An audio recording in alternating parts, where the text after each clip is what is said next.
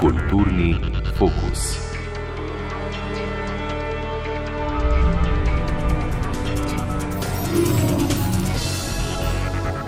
Doktor Boštjan Laharnar, dobro večer želim. Za kar nekaj tisočletij v preteklost bova premaknila notranje slovensko panoramo in si pričarala železnodobni prostor.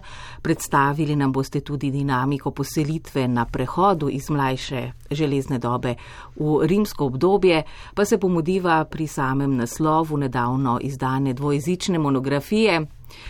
Gre za dve imeni vzpetin izhodišč točk za okro in Albijsko goro. Prvo ime ponazarja nekaj ostrega, torej ostro goro, za drugo ime pa imamo izraz pomen v smislu Bele gore, ki pa seveda ni nič drugega kot snežnik.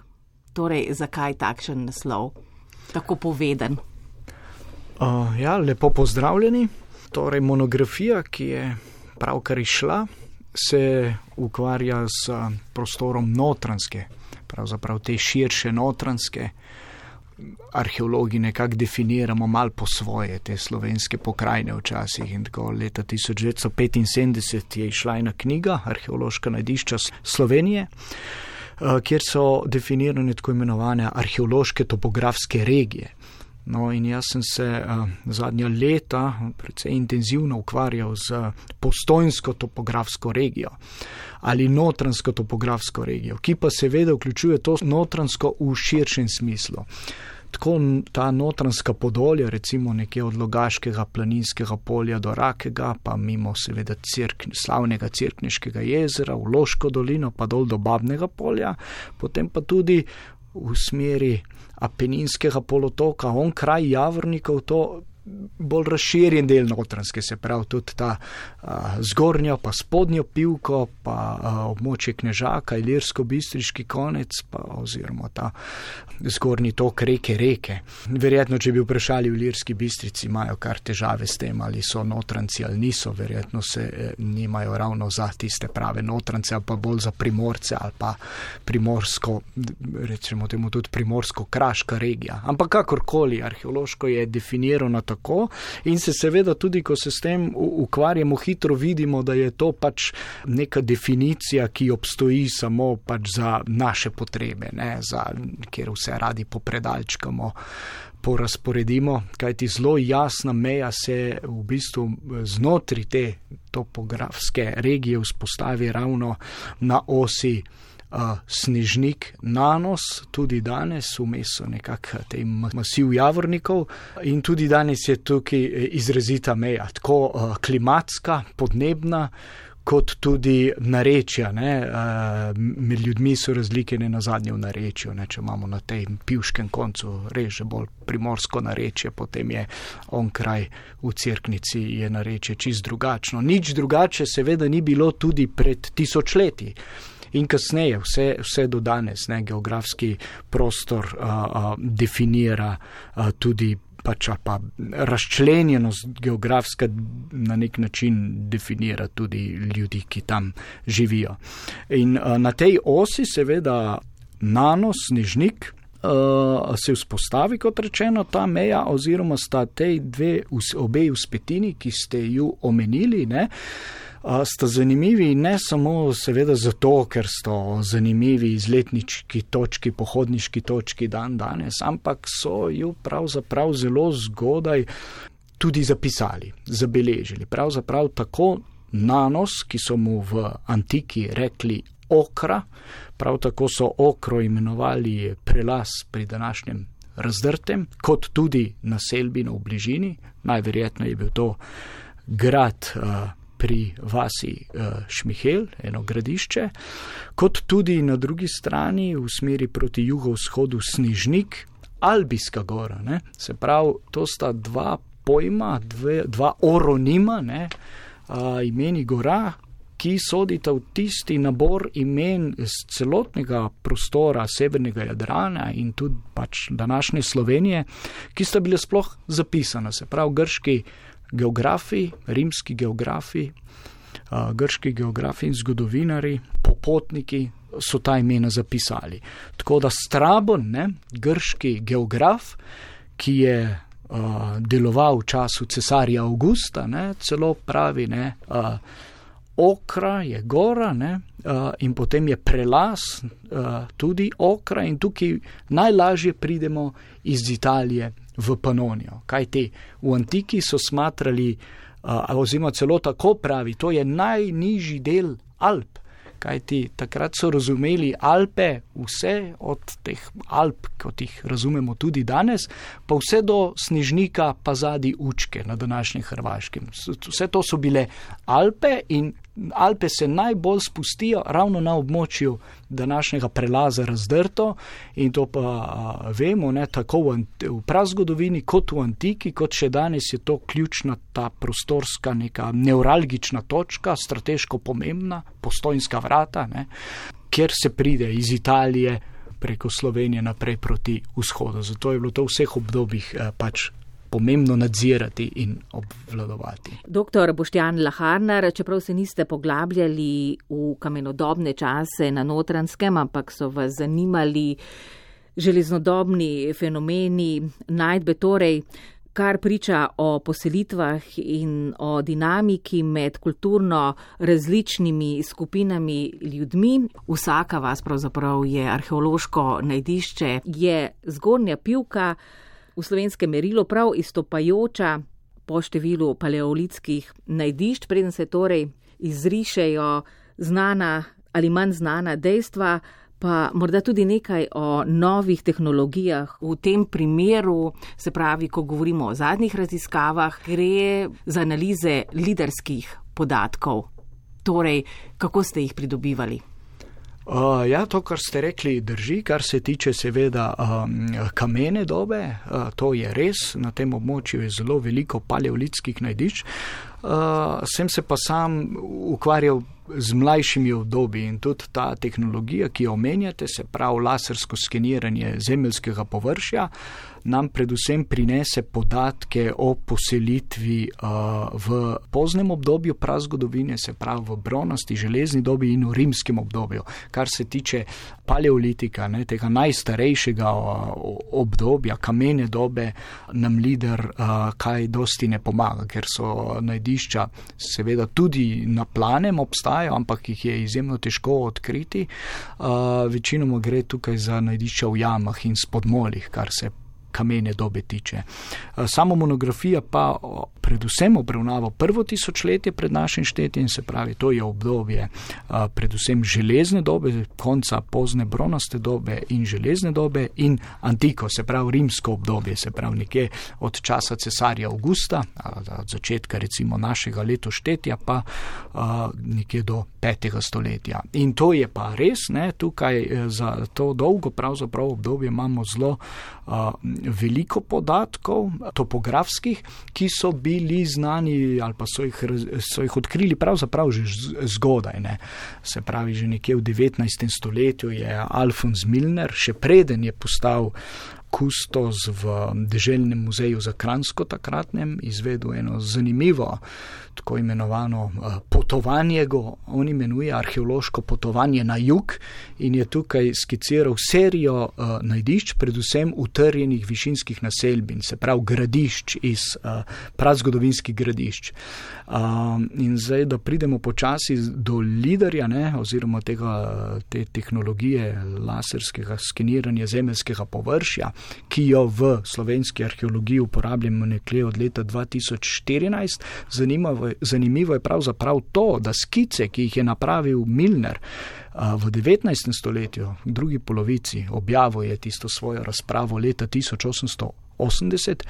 Takrat je bila pokrajina bistveno manj zaraščena, bolj obdelana, bolje stvari videl, jih je lahko skiciral, narisal. Hočem povedati to, da tiste skice so vse do te uveljavitve nove tehnologije obstale, pravzaprav najboljši slikovni uh, zapis ali pa prikaz teh najdišč. Vse do leta 2014, ne, ko smo začeli z, z obdelavo nekakšnih uh, uh, liderskih podatkov, ki, ki, ki so pa na nek način prinesle, vsaj kar se tiče uh, arheološke topografije, ne samo na, na notranskem, tudi druge, na svetu, v Evropi, uh, pravo revolucijo ne, na nek način, ker vidimo ne samo znana najdišča, ki jih sedaj vidimo bistveno bolj natančno, se pravi, da lahko narišemo prave načrte.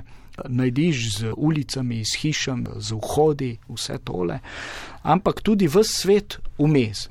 Odkrili smo tako nova najdišča, nova naselbina, ki so jih tudi te stari, zelo izkušeni, vešči topografi spregledali, ker preprosto na, niso, na površini niso vidna, kot tudi množico drugih sledov, se pravi eh, sledove poljedelsko, kmetijske, kmetijsko ali pa živinorejsko poljedelske krajine iz preteklosti, a, poti, v, tako imenovane ugreznjene poti, nekdanje komunikacije, stara polja, stare obore, stare živinske neke a, um, obore. Da. Tako da e, množico sledov iz teh bolj recimo oddaljenih orhaljoških obdobij, kot ne na zadnje tudi iz polpretekle dobe. S šerijo imamo teh recimo strelskih jarkov, vadbenih vojaških jarkov, se pravi nekih sledov, ki so povezani z konflikti recimo v 20. stoletju, kot tudi sledove pač dejavnosti ljudi iz polpretekle dobe, recimo apnenice in take, take zadeve, stare polske poti. Kaj je bistvo te, te tehnologije, še no, da povem, je pa to, ne, da pri nas pride zelo uh, do izraza ali pa imamo odlične rezultate zato, ker, kot veste, Slovenija je večinoma prerasla z gozdom, ta tehnologija, ta, to skeniranje površine nam pa omogoča to, da tudi uh, uh, območja, ki so zaraščena z gozdom uh, na podlagi teh meritev, ne, tega skeniranja, preprosto povedano, sliši se preprosto, drugače kar zapletena tehnologija, seveda zadnji. Ne, dobimo zelo natančne top, topografske. Karte, se pravi, vsa, vsa, vse te uh, spremembe v površju, se pravi, uh, luknje, uh, poglobitve, uh, brazde, se pravi pozitivi, negativi, ki oblikujejo nek mikrorelief v naši krajini, vse to ta tehnologija zazna in ko potem te meritve prenesete v nek slikovni prikaz, ki ga potem mi, arheologi, kot končni uporabniki, pregledujemo in uporabljamo, potem se nam izrišejo te, te tako novo najdišča kot svet v bistvu med njimi. Torej, pravi raj za arheologe, pravzaprav ta tehnologija. Sicer pa nam predmeti veliko povejo o krajih, tudi kultnih mestih, prisotnosti različnih eh, človeških skupin. Zdaj bomo poskušali kar z nekaj vsebinskimi, sicer prepletenimi izhodišči. Pomembna je osredotočenost na kovinske najdbe. V monografiji podarjate, da so starejše notransko-kraške železnodobne skupnosti zelo odvisne od poteka trgovskih poti in seveda prelazov, kar ste že prej le orisali. Šlo je za pretok surovin, orodje, idej, zamisli, tudi tehnološkega znanja. Kako so takrat recimo po vaše z vašim znanjem živeli ljudje, katere skupine so se tukaj srečevali. Seveda govorimo tako o keltskih skupinah, kot seveda kasneje o prodoru rimske vojske in obvladovanje tega območja O, ja, načeli ste seveda kar a, serijo pač nekih vprašanj. Zdaj, a, slovenska arheologija, arheološka znanost definira v železni dobi več a, skupin v Sloveniji. Zdaj, najbolj slavna je seveda dolenska halštatska skupina, druga najbolj slavna recimo je svetolucijska pošoška halštatska skupina. Uh, in nekako uh, vzpon teh dveh skupin je nekako uh, dosti dobro uh, pojasnjen, predvsem dolenski, recimo njihova prosperiteta je bazirala tako na seveda tej ugodni geografski legi, ki tudi sicer uh, velja za uh, naš prostor. Uh, se pravi, nekako na stičišču različnih svetov, na poti od severa proti jugu, od cepu jantrne poti in tako naprej. Predvsem pa tudi ta gospodarska baza dolenske skupine bazira na lahko dostopni železovi rudi. To je povzročilo vzpon in razcvet a, dolenske v železni dobi, zato tudi govorimo o tako imenovanem cvetočem Halštatu dolenske. A, m, ravno tako seveda štaje Štajerska, ne, ki sicer ima neko svojo dinamiko, prej propade in tako naprej zaradi nekih vzrokov, ki jih ne bi tukaj razjasnjeval, ampak tudi, če se vi peljete po, po plod, plod, plodni Štajerski, vidite, kje je bila verjetno moč uh, um, tudi uh, železnodobnih skupnosti Štajerske v um, lahko obdelovalnih kmetijskih površinah, v teh blagih uh, pobočjih, uh, se pravi rodovitni, plodovitni zemlji, ob teh uh, velikih rekah Štajerskih in tako naprej. Medtem ko notranska, pa ta kraški prostor, ne, tam pa je pokrajina precej drugačna, ni nekih obširnih, uh, plodnih, plodovitih območij, več, veliko je kamna na krasu, prav tako na tem pivškem koncu, presihajoča jezera, težave z vodo, reke presihajo, na drugi strani jezera poplavljajo. Ta snežniški konc je še dan danes precej div in tako naprej, prav tako nanos, ne, brije burja in tako.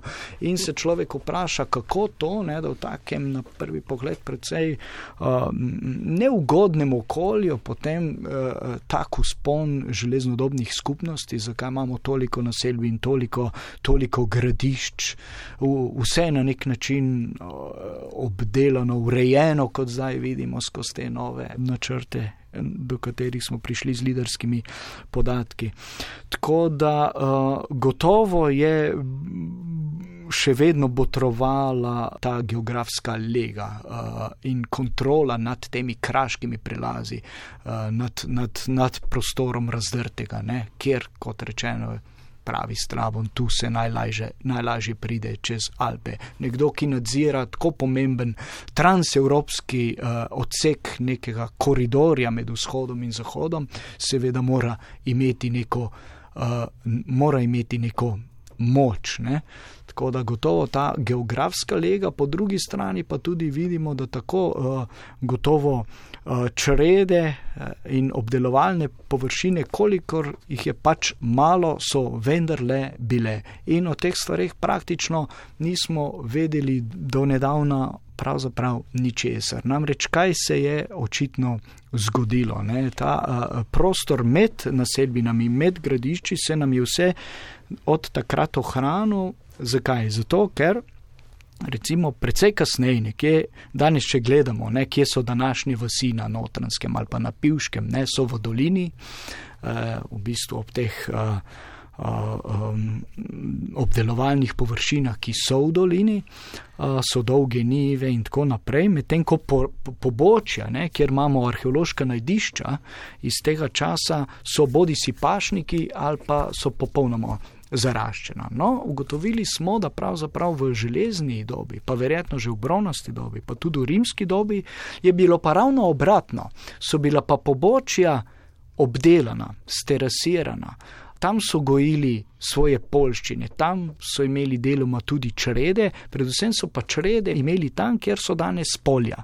Se pravi, bilo je ravno obratno. Zakaj? Ker šele nekje po letu tisoč našega štetja se v Evropi začne uporabljati ta težek plug, pravi plug, da tako rečem, ki ga vleče par ali pa dva para volov na kolescih in od takrat nekje dalje, se pravi v srednjem veku, so bili ljudje že sposobni zorati, spremeniti v nive ne, težke prsti v dolini. In to nekako gre sočasno tudi zgodovino današnjih vasi, se pravi dokumenti o najstarejših crkvah in zametkih, zametke današnjih vasi vidimo tam nekje, se pravi po letu tisoč recimo našega štetja.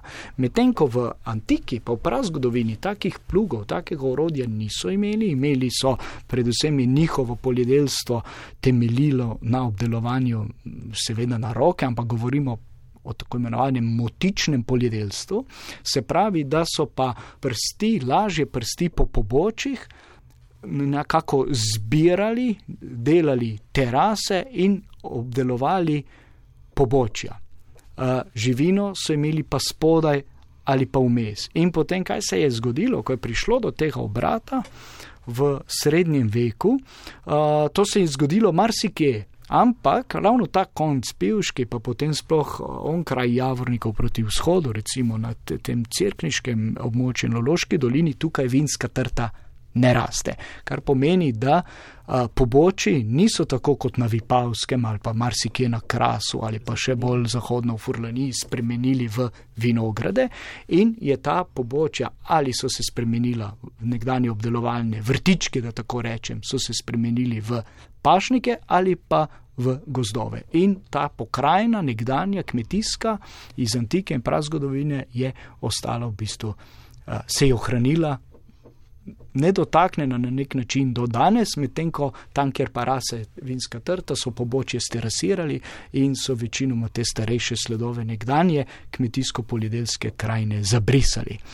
No, hkrati seveda so obladovali tudi metalurške postopke, ob tem, ko je nastajala ta polidelsko-pastirska krajina in če govorimo o mlajšem halštatskem obdobju, odkdaj poznamo tehniko, ki jo na krasu verjetno pa nikoli niso opustili in sicer suho zidno tehniko, gradnjo, čeprav so pozneje bolje utrjevali obzidja poselitvenih prostorov. Se pravi, suhi zid mhm. obstaja še iz eh, mlajše halštatske dobe, obdobje ali kako. Pravzaprav je, je, je, so začetki um, še zgodnejši. Se pravi, gre za uh, tehniko, uh, suhozidno tehniko uh, utrjevanja teh uh, naselij. Mislim, da je enkrat profesor uh, Slabšak zelo lepo zapisal, da zidanje teh zidov ne na krasu. To so prve tem res monumentalne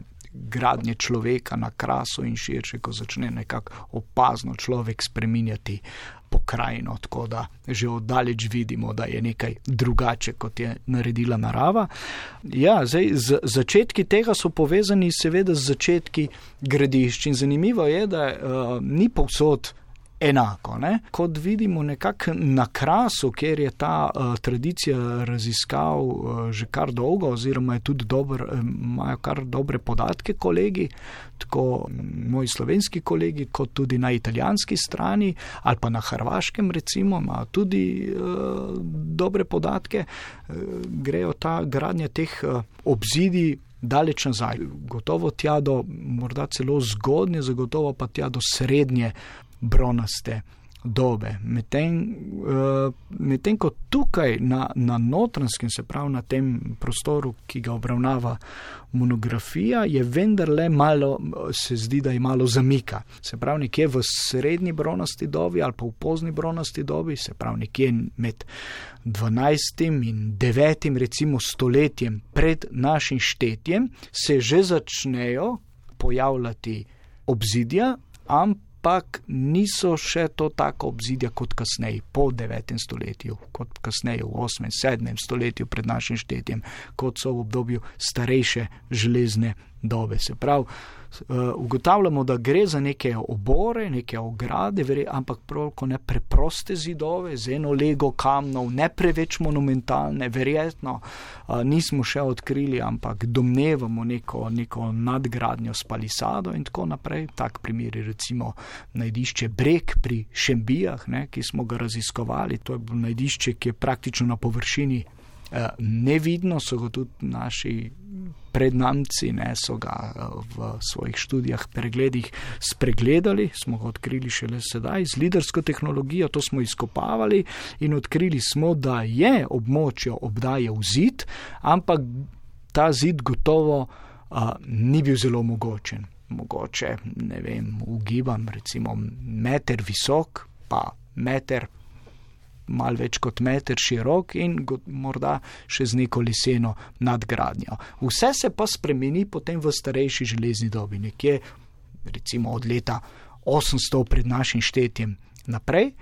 Ta železnodobna obzidja jih pa ne morete spregledati v pokrajini. Če se vi sprehajate recimo po grebenu, tako imenovanem taborskem grebenu med Pivko in Ilirsko bistrico oziroma od nekje Čilen tabora pa tja dol do Šembine, boste opazili, ne, da te naselbine obdajo mogočne ruševine zidov. To je ogromno kamna, ogromne količine delanega, tovče, eh, eh, klanega kamna, ne, ki je bilo nekoč zloženo v ta obzidja, v obzidje, ki je obdajalo ta naselja in to. to so bila več metrov visoka obzidja, tudi več metrov a, debela, široka. Ne. To se pravi, železna doba je potem vsaj tukaj na notranskem, je, je potem tisti začetek te gradnje teh mogočnih, monumentalnih obzidij, ki so obdajala a, ta naselja. Poleg tega so bila naselja veliko krat zelo a, smiselno umeščeno ob neke prepadne stene, tako da ni bilo treba celotnega, recimo, spoh taborski grebeni značilen, ne, naselbije so zgradili ob robu prepadne stene, tako da z ene strani je bilo že naravno dobro zavarovano, da ta uh, uložek dela, ki je bil velik, ne, ni bil potreben, tako da so potem samo ta lažje pristopni del utrdili z obzidjem. In to je kot rečeno, tukaj značilnost predvsem uh, železne dobe, se pravi nekje prvega tisočletja pred našim štetjem in gradnja takih mogočnih obzidij, utrjevanje, ne, gotovo nekaj pove o tistih časih, ne, očitno je bilo to potrebno, pretile so neke nevarnosti in potem pridemo potem seveda že do dinamike teh družb, ne, a so ta gradišča med sabo funkcionirala kohezivno na nek način, so bila povezana, je šlo za to iste skupnosti ali je očitno šlo za različne skupnosti, ki so bile tudi v nekem stalnem konfliktu. To se ne na zadnje zelo dobro tudi kasneje kaže pri pisnih verjih, ki se dotikajo ravno prelaza pri razdrtem, tu se omenjajo različna ljudstva, vi ste prej že omenili Kelte, no, Keltov bi se mogoče niti ne bi tok, bi bolj se pojavljajo prav za razdrto različna imena, govorimo o karnih, o japodih, verjetno se vrši nek pritisk v tauriskov, tako je iz osrednje Slovenije. Hočem reči to, da te viri, ki govorijo o tem konfliktih, o tej konfliktih ali pa uh, trku interesov za prelaz pri razdrtem nakazujejo na to, kako militantno nastrojene so bile železnodobne skupnosti in da je pač ta prelaz tako zelo pomemben, ne, prihajal z roko v roke in da ga je nadziral pač v vsakem trenutku, v tem dolgem prvem tisočletju, nekdo, ki je bil v danem trenutku uh, najmočnejši, najbolj sposoben. No, kot eh, ste rekli, materialni ostanki, tudi, da nimo latensko oborožitev in moda pričata tako o pečatu keltskih teorij, teoriskov na tem območju, se pravi notranske. Torej, lahko rečemo, s katerimi staroselskimi skupinami so se potem srečevali. V tem času gre, kot ste rekli, najbrž zaradi nesodelovanja med skupnostmi oziroma zaradi verjetno agresije za upad prebivalstva, kljub enigmatičnosti keltske komponente. Hkrati sprašujem o prisotnosti denimo japonskih in etruščanskih elementov. Hkrati pa ste se vi veliko ukvarjali tudi z najdbami v posočju, kjer gre tudi za očitno prisotnost keltov v tem času. Kaj povezuje ta dva prostora, ki sicer nista tako daljena drug od drugega, se pravi notranska in posočje? Gotovo sta bila seveda povezana. Ja, seveda, zdaj arheologija, ne, zdaj, s tem zelo natančnim študijem drobne materialne kulture. Ne, Um, mi zadeve opisujemo, razvrščamo, kategoriziramo in tako naprej, ne? in potem iščemo neke podobnosti, neke sorodnosti, neke skupine. Uh, in potem sledi ta interpretacija. Ne? In kar ugotavljamo, je ne, seveda veliko podobnosti med posameznimi pokrajinami, pa tudi že znotraj same pokrajine, ki jo primerjamo z drugo, pa, velike, pa tudi razlike med eh, samimi skupnostmi. Tako da seveda so povezave s eh, posočjem, po drugi strani so pa že znotraj same notranske razlike med posameznimi skupinami. Zdaj, če govorimo o neki keltski invaziji in tako naprej, najprej je že ta pojem kelti treba, treba eh, nekako utemeljiti, o tem je bilo uh, veliko govora. Seveda je to pojem, ki, ki privlači, ki ima tista prizvok starodavnega, mističnega, pravličnega. In danes je keltsko marsikaj in kelt je marsikdo. Ja, ta, ta zmeda s kelti, bom tako rekel, je vse neka, vse nekje od uh, sredine šestega stoletja pred našim štetjem, ko je uh, Herodot grški zgodovina, roče zgodovine mu tudi pravimo, ne, prvič zapisal ime Keltoj, ne Kelti. In vse od tedaj si nekako vsakokratni, ne samo raziskovalci, ampak tudi vsakokratni prebivalci si nekako belijo glavo s tem, kaj pa to pravzaprav pomeni.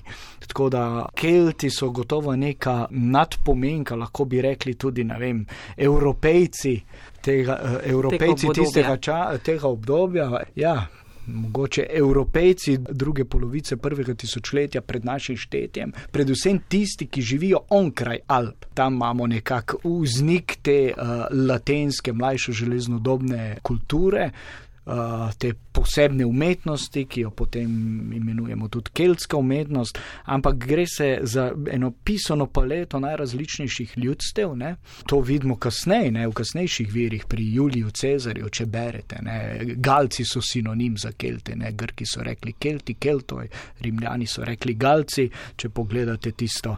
Uh, v Galsko vojno, Cezarjevo imate verjetno tam na prvih stranih nek zemljevid, kjer je praktično v vsaki dolini je neko drugo ljudstvo, ki je keltsko ljudstvo, pa tudi ne vsa, ne, že Cezar deli Galijo na tri dele in samo ta srednji del je galski, keltski. Ne. Uh, tako da zadeve so precej uh, kompleksne, še posebno v krajih, kot so naši kraji, ne, ki, kot pravimo tudi na naši stalni razstavi v Narodnem muzeju ne, Slovenije, ne, smo na stičišču svetov. Ne.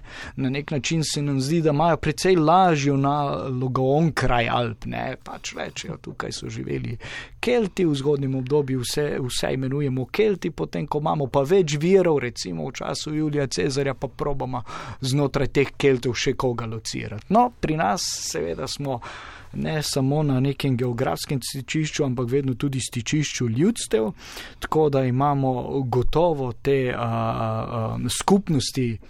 Če govorimo o železni dobi, zdaj se pride skupnosti starejše železne dobe, ki so bile a, povezane tako z Apeninskim polotokom, se pravi z Vineti, z Etruščani, ne na zadnje. Z Balkanom, kot, kot, z, ba, kot z Balkanom, seveda, kjer imamo Panonija, kjer imamo starodavna panonska ljudstva, pa Japode, recimo, pa kulture centralnega Balkana. Vse to se nekako te vplivi se prepletajo ravno na notranskem in kot ugotavljamo v nekih tudi grobnih celotah in pa skupkih najpne so te povezave pravzaprav med Zahodnim Balkanom in uh, Apeninskim polotokom pravzaprav presenetljive in celoten ta notranski prostor je vedno gravitiral bolj v ta mediteranski svet ali pa če hočete zdaj ne keltski svet, ne? ker kelti, kot rečeno, jedro keltskosti je vendarle onkraj, onkraj Alp. Pa Naši vendar kraj. ne v enem trenutku. Pride do teh korenitih uh, sprememb, ki pretresejo to dogajanje v celotni takratni Evropi, In uh, to dogajanje je zabeleženo na različne načine. Ne? Tisti, ki se ukvarjajo z uh, klimatološko zgodovino, govorijo o tem, kako je nekje sredi prvega tisočletja pred našim štetjem se uh, vreme precej poslabšalo, temperature onkraj Alp so padle in mogočne skupnosti, katerih preživeti je temeljilo ali pa razcvet je temeljil ne samo na, uh, na rudah, na kovinah, ampak predvsem na zagotavljanju hrane, se pravi na obdelovalnih poljih, ne, uh, zaidejo v krizo. Letine, sledila je serija slabih let in prenaseljenost in seveda potem nekak je prej, prej bil razcvet, potem pa serija slabih let in prenaseljenost pelje do lakote, lakota pelje do nezadovoljstva in do nemirov in do propada in do vojskovanja. Uh, o tem govorijo klimatologi. Uh, antični zgodovinari so to zadevo zabeležili in se je nekako hranila uh, vse do danes. Zapisana kot fenomen tako imenovanih keltskih selitev proti jugu, se pravi, to vse bo truje temu, da te skupine iz onkraj Alp ne, udirajo proti jugu, eh, predreje, kot vemo, vse do Rima, ne, 386 pred našim štepjem, potem vse do Delfov, ne, keltska skupina hoče tam eh, neko keltska eh, vojaška enota izropati slavne Delfe leta 279 pred našim štetjem in menda jih je sam Zeus odvrnil z nekimi strelami od tega.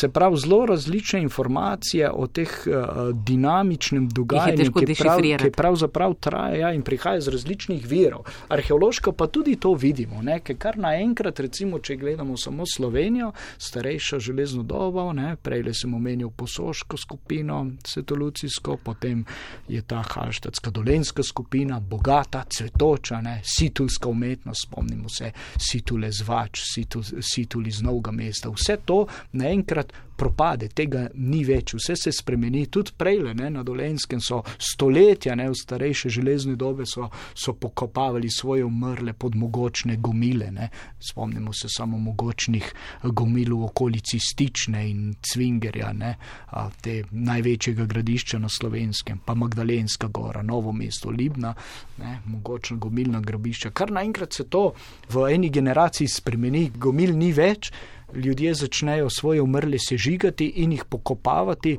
po, bom sedaj rekel, keltskem običaju, tako kot vsa tista Evropa onkraj Alp, kar naenkrat se pojavi tudi ta uh, običaj, se pravi ne samo upepeljevanje umrlih, ampak tudi običaj uničevanja orožja in polaganja uničenega orožja v grob, ki je uh, keltski, mlajši železodobni, latenski običaj. In tudi seveda zamenja se materialna kultura, nove, drugačne sponke, drugo orožje, se pravi, govorimo lahko celo o neki modni reformi, vojaški reformi, vse to nekako opazujemo v gradivu. Se pravi, imamo različne vire informacij, to, da ali ne vse to uh, nujno pomeni tudi invazijo nekega tujega, bomo rekli, keltskega ljudstva nekje iz severa. Ne? Zelo verjetno ne. ne? Že nekje ja, kjer so bila območja prazna, recimo na Štajerskem, pa ne bomo zdaj o tem, ampak že na Dolenskem nismo čisto prepričani, kaj se je pravzaprav zgodilo. Ali so tko, to keltsko reformo morda izvedle elite starejše železne dobe, ne?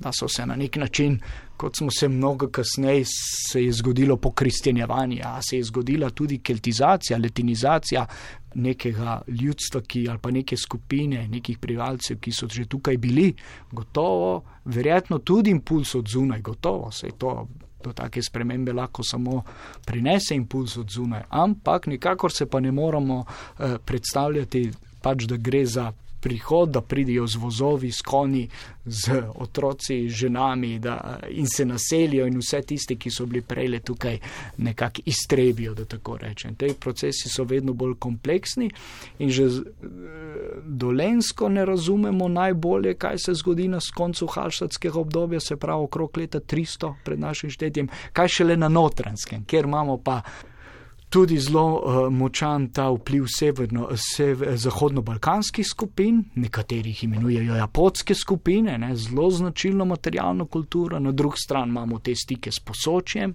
z Furlanijo, z Peninskim polotokom, uh, z Etruščani, ne na zadnje, in potem imamo še te keltske elemente. V enem trenutku se nam dejansko spet ravno nekje okrog razdrtega in nekje na javornikih izriše ta meja med bom rekel, keltskimi elementi, ne, ki tukaj le vendarle so, in nekeltskimi elementi. Se pravi, spet se javorniki pokažejo kot, kot uh, neka meja, in, morda, in to je zanimivo, ker tudi kasneje, ob rimskem osvajanju, se to nekako ujema. Se pravi, območja, kjer imamo te keltske elemente, pa jih zdaj lahko imenujemo že tauriščanski, se pravi, gre za tauriske, ne, ki so bili vodilno keltsko ljudstvo v srednji Sloveniji. Tam imamo tudi sledove spopadov z Rimljanov. Ker pa tega nimamo, ker imamo bolj to severno-jadransko, zahodno-balkansko ali pa peninsko komponento, pa teh sledov spopadov. Taki vzorci se nam nekako kažejo. Predvsej zapleteno, ampak ja. ja torej, uh, skušamo razvozlati. Ne? Nemirno obdobje se je nadaljevalo tudi po ustanovitvi rimske akvileje.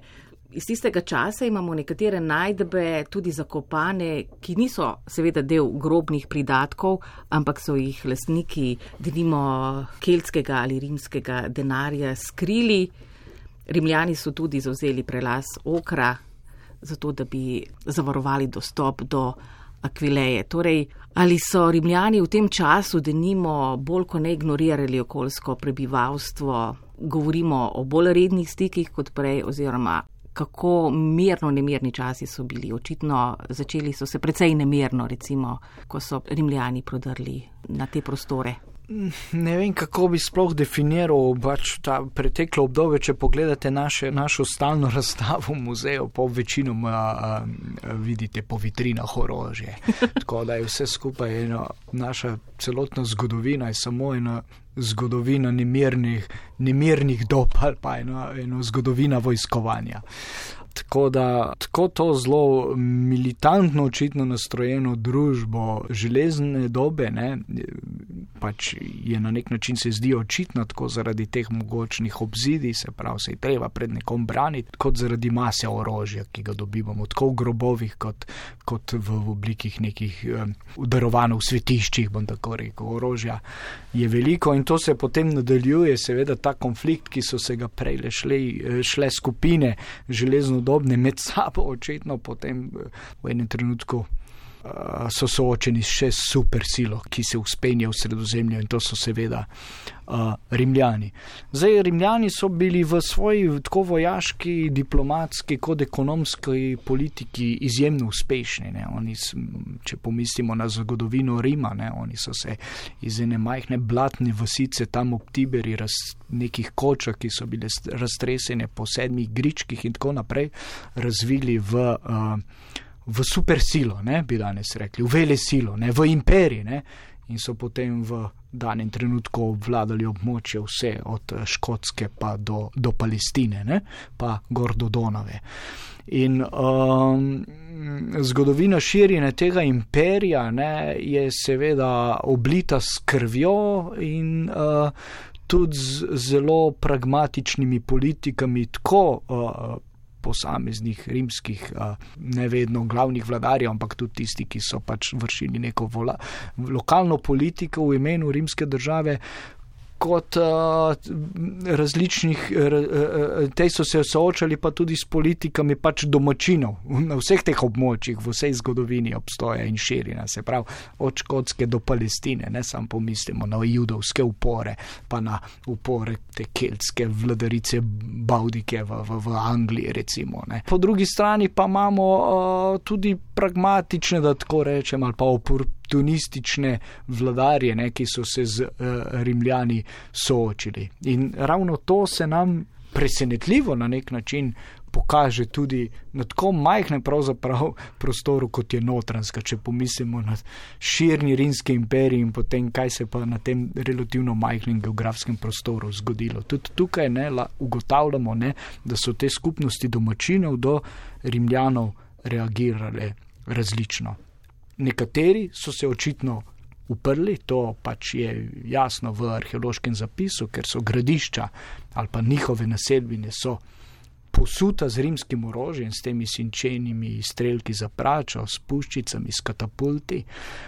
Ost, vidimo, odkriti so bili razni sledovi rimske vojaške odpreme, recimo te okovni žeblički z vojaških sandalov in tako naprej. In to so, in kar je najbolj šokantno, je, da to so na mnogih gradiščih uh, najmlajše najde, se pravi, ta vojaška rimska oprema, to je to, to je tisto poselitev tam, to, je, to pomeni konec, se pravi, uničenje poselitve, razselitev teh ljudi ali pa celo uh, kot vidimo posredno v nekih, nekih drugih dogodkih, recimo kot je padec Nezakcija ali pa Metuloma, šlo celo za, pač, za genocid, pravzaprav za velike tudi množične eksekucije ali pa skupinske samomore teh, teh skupnosti, ne, ko so prišli do zadnje točke tega upora. Ne.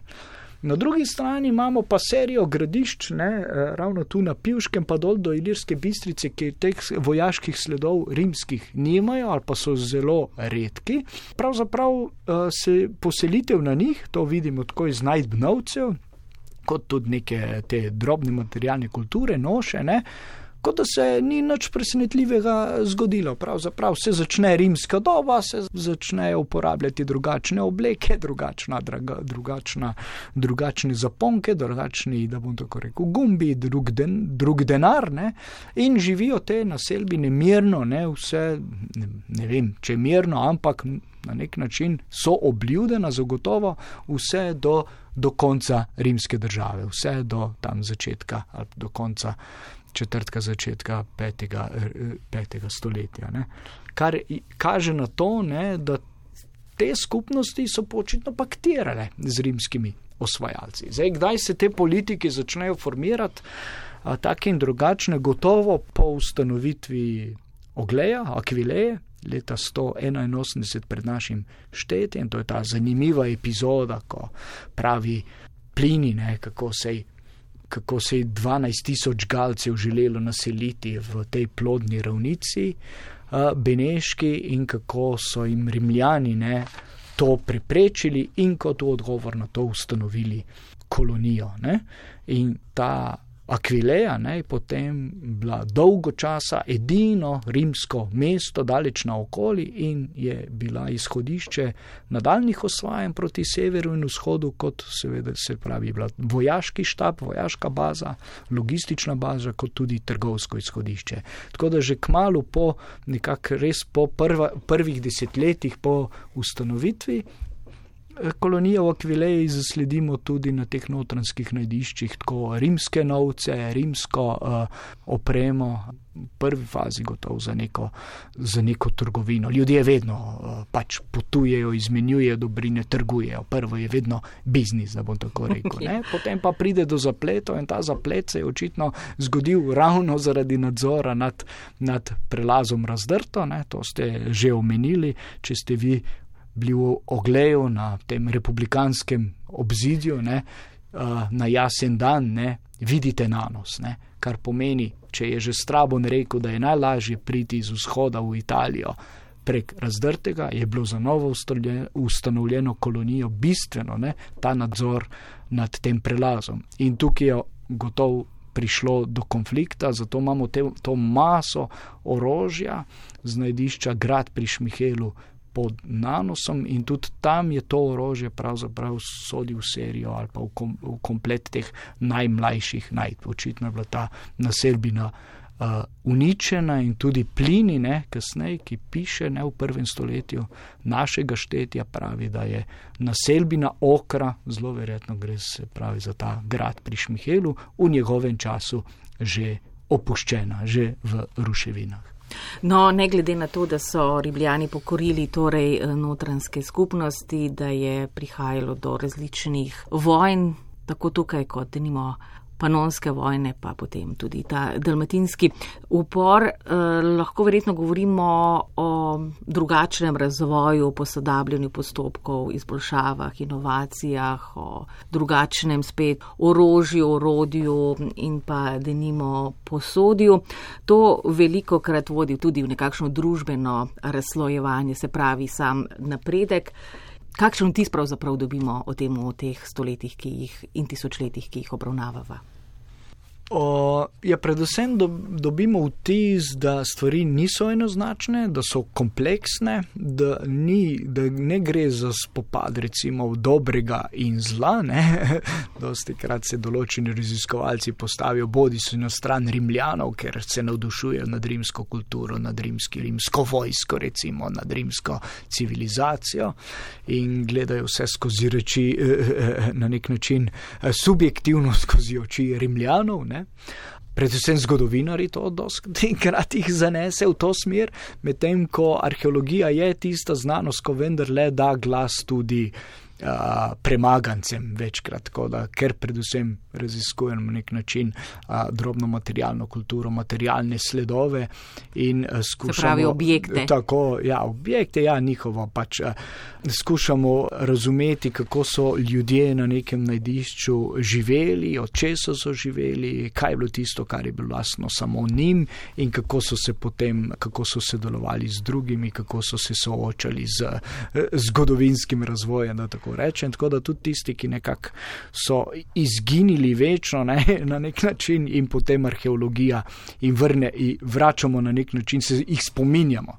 Tako da meni se zdi zelo fajn, da potem v bistvu govorimo o teh notranskih skupnostih domačinov v železni dobi, ki se soočajo z rimljani in potem nekako presojamo z obeh, z obeh strani to zgodovinsko uh, dogajanje. Vsekakor je železna doba. Uh, Pisan svet, veliko smo se pogovarjali, seveda, o, o, o, o vojskovanju, o konfliktih in tako naprej, ampak vendarle, vendarle je to tudi izredno kreativna doba. Ne izjemno lepa je drobna materialna kultura ne? in potem tudi ne na zadnje to, oni so ukrotili uh, to notransko divjo pokrajino, da tako rečem, jo obdelali, naredili prve ceste, zgradili bivališča, jo obvladali, gospodarili uh, s poli, z gozdovi in to so pač prednike vsakokratnih kasnejših prebivalcev, so ukrotili in živeli to krajino že v globoki prazgodovini.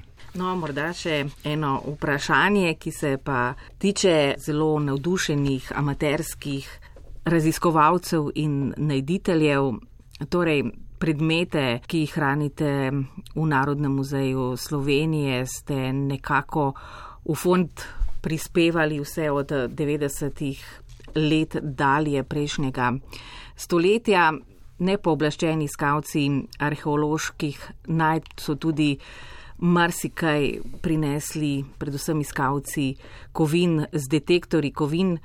Kako pravzaprav vodite zdaj to politiko sodelovanja z njimi, če denimo najdejo nekaj, kar niso iskali, oziroma gre za ljudi, ki so morda pač slučajni najditelji, ne pa tisti, ki so iskali z detektorjem.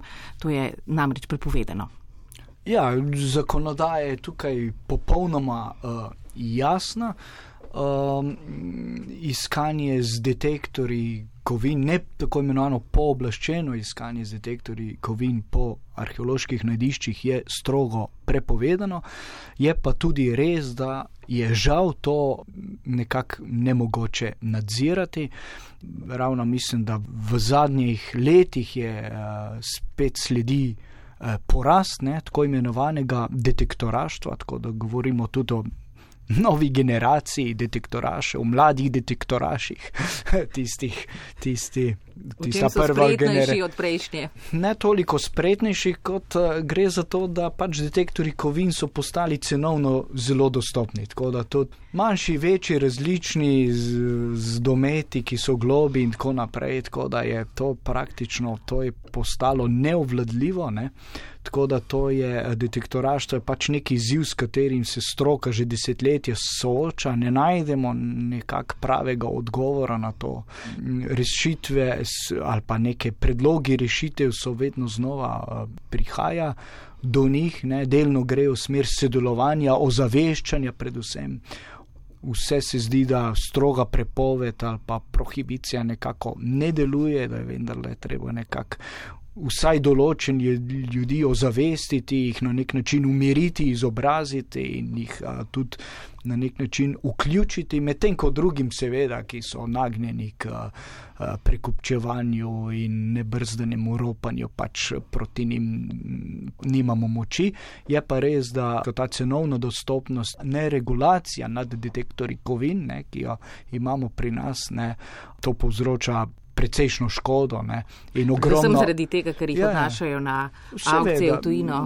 Eno je, eno je to, ne, da se seveda predmeti, čeprav se ne bi prav. Uh, trdil, da prihajajo do najdb, ki prinašajo neke velike zaslužke. Če vi pomislite, črni trg starin je dan danes zasičen, ne? zdaj imamo ukrajinsko krizo, že prej bila iraška kriza in tako naprej. Sirija, iz, Sirija ne, iz bližnjega prihajajo izredni kosi na trg starin. Ne? Tako da te odlomki, drobni in tako naprej, ki jih mi dobivamo ali ki jih, dobi, ki, ki, ki jih lahko pričakujemo ne, na notranjosti. Ampak so pa vredni za vas. Seveda ne, to ne prinaša veliko, hočem reči to, da preko to, da bi neki te detektoraši zelo veliko zaslužili na nekem črnem trgu, je to, da obtičijo s temi stvarmi jih zadržijo pri sebi in jim potem itak propadajo, ker uh, je treba stvari primerno potem konzervirati in hraniti. In ker jim propadajo nekje po nekih predaljih doma, ne, se vse dogaja velika škoda, ne, ker informacija za, za, za zgodovino je pa izgubljena, ker te predmeti imajo, imajo potem tisto svojo dejansko vrednost in sporočilo, samo če poznamo njihov oži kontekst, ne, kje je natančno se bili najdeni in tako naprej, kako globoko, v kakih okoliščinah, a so ožgani ali niso ožgani. Tako da arheološka metoda potem predmet je predmet, ampak predmet sam zase, arheološko, žal ne, nima velike vrednosti. Ne. Doktor Boštjar Laharnar, najlepša hvala za ta sprehod po preteklosti notranske, po tem okolju, ki je do današnjih dni, verjetno saj na zunaj, zelo spremenilo vtise iz preteklosti. Hvala za povabilo.